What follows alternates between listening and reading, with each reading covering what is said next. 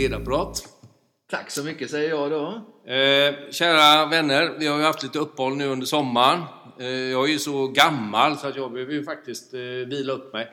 Nej, vi har ju eh, haft flera intressanta inslag under sommaren, förinspelade program. Eh, och ni som lyssnar och följer eh, vet ju att vi kommer starta ungefär nu i september-oktober och då gör vi. Och då sitter jag, lyssna nu här, på Sveriges Radio i Göteborg med Hasse Andersson. Ja, välkommen en, till min arbetsplats. och detta är omvända roller. Ja. Det här är nog det mest stressfulla jag har gjort i hela mitt liv, nämligen att, att sitta med en radioprofil, en, en eh, proffs ut i fingerspetsarna, 43 år. Ja, det började, det började 76 som praktikant. Och Sen gick det skola, lumpen och sen så har det hängt på lite olika grejer jag har gjort på radion i sig. Jag började ja. som tekniker och så vidare. Men mycket, mycket härliga minnen därifrån. Och sen programledare och ja, jag har gjort stort sett allt. Men Hasse, mm. alltså, vi, vi kommer ju in på, vi ska ju prata om ledarskap och lite funderingar jag har runt omkring det. Hur man leder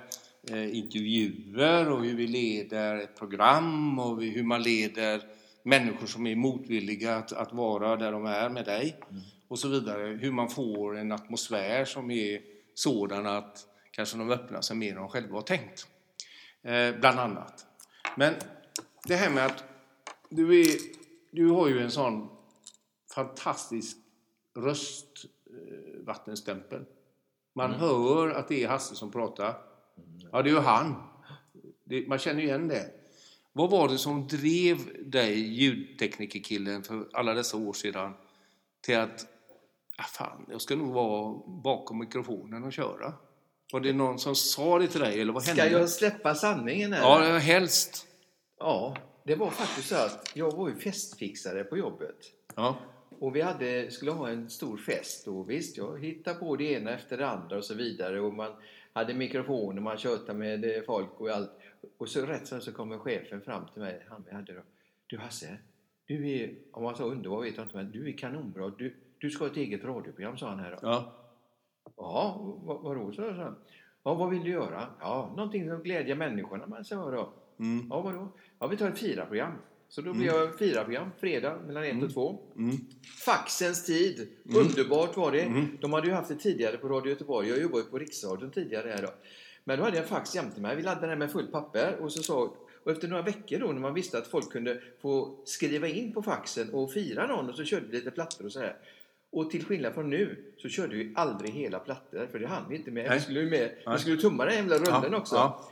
Och eh, oftast var det så att när själva programmet eh, var slut så ja. var också rullen slut. Och man satt där och drog och de tittade. De skrev som kröker på de här ja. med handstilen. Man såg inte någonting. Nej. Man gissade lite grann ibland och så då. Det var underbart. Och då kom ju folk ut att det här. Men sen efter det så var det dansband också. För det var ju oftast det de ville önska sig, de flesta personerna. Och då hade jag jobbat med programmet i Afton Dans, som ja. gick Riks i P4. Ja, det var också en, en uh, underbar grej. Då var det chefen från Stockholm som ringde mig och mm. frågade om jag ville vara programledare. För att jag hade varit tekniker för det i många, många år, från mm. det början nästan. Och um, de, då var det Bosse Manjet som var programledare. Så sa han, alltså, alltså, kan inte du ta över det här istället då? Jo, om någon chef frågar mig, säger jag. då så hade han talat med chefen och sagt att Hasse är beredd att ta över det. Det gjorde jag. Första gången jag stod Tvekar du aldrig? Nej, det var ju så skoj. Då ja. fick man chans att åka med på ännu mer var det, var, det, var det spotlighten eller var det, var det bara det att du fick säga vad du, vad du hade inne i hjärtat? Att kunna styra. styra. För att jag hade alltså redan från början, när jag gick i gitarrskola på Hagström, velat mm. stå på scenen. Mm. Eh, lite härskarteknik. Mm. De som står där nere, de tittar på mig, de lyssnar mm. på mig. Och, och det, jag blev så bra. Jag kunde klinka. Jag har skrivit till min flicka. Jag har skrivit till min vän på gitarren. Ja. Och så Smoke and Water då, så, ja. som alla kan. Men sen, ja. det stoppade min eh, musikaliska ja. framgång. Ja. Men när jag väl stod där på scenen och man märkte att folket som är framför mig, de är glada. De är här. Fan, då vill man bjuda ännu mer på sig i det här läget. Och sen hade jag en erfarenhet av, eftersom jag är handbollstränare, eller var handbollstränare, att kunna bestämma över en, en stor grupp också. Mm. Och hur ska du då få folk att lyssna på vad jag säger? Mm. Har du 60 stycken små tjejer i handbollen, ja. alla kanske inte vill lyssna på det, men Nej. nu gäller det att tänka till lite grann. Ja. Vad får man göra för att de ska lyssna på mig? Mm. Och då hittar man sådana här små knep. Mm. Ge, mig ett, ge mig ett knep får vi se om jag lyssnar. Nu. Alltså, om du nu ska berätta ja. om dig själv nu. Mm. Så varsågod. Att ja. Du bjuder på lite grann på dig själv, men framförallt ett leende. Ja. Det är A och O. Även om du träffar de här många höga politiker mm. Eh, och som säger företagsledare. Mm. Ska, ska, du ställa en knivig fråga eller säga någonting, mm. om du har ett leende och kanske lite mer mjukare ton mm. när du framför den, mm. så märker man att de öppnar sig så enormt mycket. Vet du vad Hasse? Nu har jag ju med mig en bok här. Mm. Och det står Göran Hägg. Han är ju inte vem som helst. Och så står det Praktisk retorik, heter den här boken. Oj. Ja. ja. Och det här är, det här är på sin tid en, en riktig... Eh, Göran Hägg är ju en, eh, en docent i litteraturvetenskap och man, man hör Göran Hägg prata sådär. Så är det, den heter Praktisk retorik. Och eh, då är detta ifrån eh, romartiden, ett exempel. Och då säger de så här. Om åhörarna har blivit trötta på att lyssna på den föregående talaren så ska man börja med någon som får dem att skratta eller en bra historia. En fabel, en karikatyr, ironi, tvetydigheter och menar att antyda småprata. Och man ska överdriva lite grann och det ska vara någonting eh, i, och på det sättet så får du alltid åhörarens förtroende. Mm. Och det är ju precis det du sitter och säger. Nej, vad bra! Eller hur? Ja, jo, ja. det är sant. Och... 60 tjejer. Ja. Som är, hälften är helt omotiverade. Så får du med dem. Ja. Vad härligt, vad gott. Du har ju lärt mig någonting. Ja, nej, jag bara, och, det, och det märkliga, eller inte märkliga, men jag, jag, hade valt, jag hade valt detta stycket för att jag ville komma dit. Ja, du, du tog mig dit nu. Du, jag ska säga en annan sak också. Jag dömer ju handboll också, har gjort ja. i 43 eller 44 ja. år. Och det är också en konst att, eh, att du är matchledare i det läget. Ja. Och det finns många olika auktoriteter eh, som ska bestämma, peka där och där och där. Och där. Men du kommer ju inte långt med det. Nej. Men har du ett litet hjärta i det hela? Ja. Jag menar, springer gubben på, på kanten där och så hoppar han in och säger Fan domaren, såg du inte han drog med armen? Ja, ja men dra ner benet så ramlar du ju. ja, den gubben så här. Ja, Eller också, Fan man är du blind? Såg du inte det? Ja, jag är faktiskt nästan helt blind och jag har glömt glasögonen. Men jag är inte döv. Så nu får du två minuter för protest, säger man här då. Och då går de och sätter sig. Istället för bara upp med fingrarna och så. Ja. Ha en liten dialog här ja. på planen också. Känner du, jag, jag kände, jag satt och pratade med en, en, en, en han var ju hockeydomare, han heter Kjell-Åse Bergström. Han var på elitserien många, många år sedan och, och då har man inga gula kort mm. i hockeyn. Utan du åker ut direkt. Och då sa han att eh, i domar, som domare då så är det viktigt att kunna åka upp vid sidan av spelaren så här, du, jag såg det där. Mm. Exakt. Och nästa gång du åker upp vid sidan så här, då är du, då är du ut med det. Två minuter. Ja, direkt. Det är bra, det är bra så här. Jag har en annan grej. När vi dömde, det var den enda internationella matchen jag dömde ihop med Hasse Hansson. Det var under Partille Cup. Mm. Det var landslag som skulle möta varandra. Det var Färöarna mot Island. Hatmatch. Du kan tänka dig Partillebohallen, den ja. gamla Partillebohallen. Överfull! Folk ja. satt överallt fram och tillbaka. Mm. Och så skulle vi blåsa. Och så efter en, ett anfall så reser sig, om det var Färöarnas eller Islands... Du sa så här. Ja, ner. Nästa anfall. En gång till. Koppa. Tredje gången. Då stoppar jag tiden. Mm. Går sakta fram till honom. Mm. Dödstyst i hallen. Ja. Tar upp mitt gula kort. River av ett litet hörn på det. Och sa Ja. Varsågod, du får resten sen, sa jag där då. Jag vet inte om du förstod vad jag menar.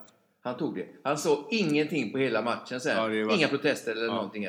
Jag fick ju höra, hur fan kan du med göra en sån sak? Det är en internationell match. Ja, men jag, min strävan är inte att komma högre upp, men vi fick en bra stämning på, på planen. Ja, och det är ledarskapet. Jag menar, att vara en, en oftast i, eller, i det här skrået då, som man säger, att vara en chef mm. eller ledare att vara en manager eller en leader är ju att, att vara chef, då pekar du med fem fingrar och säger gå och sätt, gör det.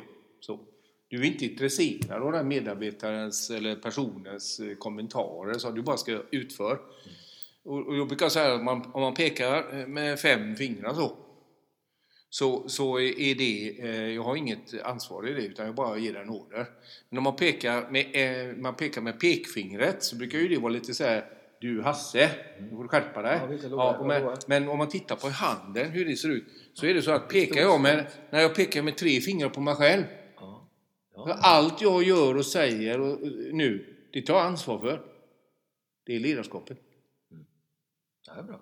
Därför att det, det är fult att peka. Mm. Men om, om du, som du säger, du pekar ju på honom och river av ett hörn på kortet. Mm. Så här, jag tar fullt ut ansvar för mitt. Då får du ta ansvar för ditt. Men du vet också reglerna nu. Eller? Och, och i detta fallet så var det en, en, person som kom från Island som de facto inte hade språket med sig. Utan, men, men en sån symbolhandling. Och det tror jag är en av hemligheterna i gott ledarskap. Det är ju liksom att du vågar gå den retoriska delen, du kan gå med praktiskt handlande, du har med dig din eh, kärlek och, och skratt och annat och även din beslutsförmåga. Mm. Tidigare sa du ju här eh, att ja, med makt, jag, jag, jag vill gärna, jag kan ha program, jag kan bestämma själv. Och tycker du om makt alltså? Nej. Inte? Nej. Ja, ingen makt? Jag vill kunna påverka saker och ting, men eh, jag vill inte ha den slutliga... Eh, om man ska säga så här, nu är jag inte programledare längre. Förr när jag var det, mm. då fick vi göra allting på min mm. tid. Vi var i stort sett våra egna producenter. Mm. Vi valde gäster, vi gjorde det, vi gjorde ja. det, vi gjorde det. Eh, nu är det inte så. Nu har vi producenter som nu plockar fram saker och ting. Men samtidigt så har man ju ett stort kontaktnät. Man får de här tipsen hela tiden. Mm. Och de tipsen som jag tycker är bra, som jag vill göra, framhäver man oftast till producenterna mm. och förklarar varför vill jag göra det Jag tycker att det blir bra, det blir bra och så vidare. Men i samråd med dem, eh, för att det ska bli en bra grej så måste man kunna förklara. Och också en bra ledare. En bra ledare är en ledare som kan lyssna på andra, mm. ta till sig saker och ting som man kanske kan förändra för att kunna bli lite bättre. Mm, jo, det tror jag på, men man säger ju också i makt av ett ämbete, och, och, det är ju det att leader leaders. Jag menar, det är, jag tycker jag har ett jättebra exempel där du säger så här att Förr hade jag allting själv. Nu har jag producenter som gör det och det och det. Och, och, och vissa saker får du planschaktat. Men jag tror att gott ledarskap, det handlar väldigt mycket om att du har ett maktpatos. Jag vet ungefär vad jag vill. Och, min hustru var VD under, under, många år i en stor organisation här i Göteborg. Och då så frågade jag Britta så här, är, är, tycker du om makt Britta? Så, ja, så, därför att då har jag om jag förvaltar det förtroendet väl mm. så kan jag ju förverkliga en del av det som jag vill göra och utveckla verksamheten. Och det är det som jag tycker är det handlar inte om att peka med fem fingrar utan peka med ett finger för jag tar ansvar för det och säger men jag har en idé, jag vill verkligen förverkliga detta. Och, och, och jag tror att jag menar just det här att när du hade dansbandsdags och, och du hade de här banden som kommer. En del är, är, är ja, alla de aftondanser. Då, eh, jag menar, en del av dem gjorde ju vad som helst för att komma med i det programmet. För då var de med där så kände de att japp, nu är lyckan gjord. Va? Mm. Och, och sen hade du ju naturligtvis alla de här superstora eh, banden som man kanske, de hade väl kanske eh, fem i tio intervjuer och prat i veckan och olika kanaler hit och dit. Va? Och det är klart att, att få dem då med på sin sida så att de säger okej, okay, då, mm. då måste man ju ha en viss makt. Mm. Ja, när du sa makt till mig så kom det upp något väldigt fult ja, i huvudet. Absolut. För jag började tänka på en tysk ledare. Ja, ja, ja. ja. Det, nej, men, men, eh, den makten ja, ja, jag nej, och, och, jag köper det. Ja. För eh, det är ju samma sak som jag älskar konflikter. Mm. Därför att om du går till Göran Hägg och så läser vad betyder ordet konflikt? Det betyder konfliktos på latin och det betyder sammanstötning. Och dansar du argentinsk tango så är det ju jättebra om du tycker om konflikter. Därför att det enda steget som om du nu ska föra i dansen som gör det är att kvinnan i det här oftast då eh, kommer ett steg, halvt steg mot eh, så att hon ser. Sen ska hon lita på det och gå baklänges hela tiden. Mm. Och, det är. Och, du kan ju dansa. Och, Har du lärt dig det? Jajamän. Härligt. Hur många danser kan du? Kan bara, jag kan bara, jag gick och dansade hos Susanne Bondesson på, på, på, på oceanen, eh, och åka till Argentina. Jag tänkte jag kan inte fasen åka till Argentina utan att ha lärt mig dansa tango. Så jag gick och tog privatlektioner för en och ett halvt år. Och, och eh, när jag kom ner eh, till, och henne utpekade milongas i, i, i Buenos Aires och jag skulle dansa. Så blyktes jag. Men då kom en, en kvinna i, hon kanske var 80 år, kom fram till mig på den här milongan och, och jag skulle dansa eh, tango. Och då säger hon, jag ser att du gör rätt. För hon hade talat om vilka koder som gäller. Man kan inte gå fram och fråga en tjej så här, nu ska du dansa. Utan du måste läsa rätt. Du måste veta hur jag ska göra. Du ska få din plats, placering. Det placerar en person dig och så köper biljett och så får du ett glas vin eller bla. Och så sitter du och väntar. Sen söker du upp ögonkontakten och sen så bekräftar hon och så får du gå en liten bit. För du vet ju inte om hon har med sig en partner eller inte. Utan det är massa koder och hon måste lita på att du kan dansa. För du får inte gå ut och dansa om du inte kan dansa. Det är väldigt strikt. Så därför så finns det proffs, halvproffsdansare i baren så du kan okay. betala lite pengar till en sån person, tjej eller kille. Och så dansar du eh, till musiken, men du dansar där borta. Då har hon ju sett att du kan röra dig. Så när jag väl gör mitt strategiska drag då, så här, då, då kommer du tillbaka. Och ingen kom, för de tänkte ah, han är inte så vass den där Johansson. Men vad som hände där och då var att den här kvinnan kom mig till mötes och sa att jag dansar tjejer men jag kommer föra dig så att det blir rätt. Så att du känner dig trygg Ulf. Okej? Okay? Så, så då gjorde jag det. Jag, jag följde med henne för att hon tog ju alla kvinnliga stegen men hon förde mig. Så hon gick ju baklänges och ledde. Styrde mina händer och mina, min kropp. Eh, och då frågade hon så här, vem, vem är du? Jag har min så pekar hon över lokalen lite försiktigt. Eh, jag har med mig min gigolo där. Jaha, så jag har hyrt honom för en vecka. Han, han, vi åker runt och dansar. Ja, men vem är du? Ja, jag är professionell dansare. Jag är pensionär sedan många, många år. Men jag är amerikanska och jag har dansat i, i USA många, många år. Men min man är så knackig nu så att jag, han kan inte dansa. Så därför hyr jag in en professionell dansare. Och denna kvinna förlöste mig i sitt ledarskap då i den konflikten som var där, att jag fick följa med henne ut. Och sen fick jag sitta ner och dricka mitt eh, vitvin. Och, och, och därmed så fick jag ögonkontakt med andra och därmed så fick jag dansa en hel kväll. Härligt. Så, och, och, det handlar ju väldigt mycket om det här med att, att kunna vara där. Jag tänker, jag tänkte så här, det var ju lite, lite grann om, om konflikter. Men, och då leder det mig in till en liten fråga jag har om den svåraste intervjun eller några av de svåraste intervjuerna som du har gjort? För det är också då... Det var säkert den första intervjun. För man hade ingen erfarenhet. Men sen flyter det på och det, det finns, jo, det, det, finns några som är jättesvåra. Jag är väldigt känslig. Mm. Och, eh, är du tvilling? Nej, jag är fisk. Okej. Okay. Eh, jag är tvilling, också känslig. Ja, men just det. Jag kan berätta en sak, eh, man, man, går ut och man ska ställa en fråga. Vad är det viktigaste som hänt dig i veckan? Ja. Visst, då är man glad. Mm. Hejsan, vad är det viktigaste som hänt dig i veckan då? Jo, alltså jag, jag blev bortbjuden på min, eh, av min man då. Vi hade en ja. underbar middag så jag kom ja. fram till nästa kvinna. Du, det viktigaste som har hänt dig i veckan, vad är det?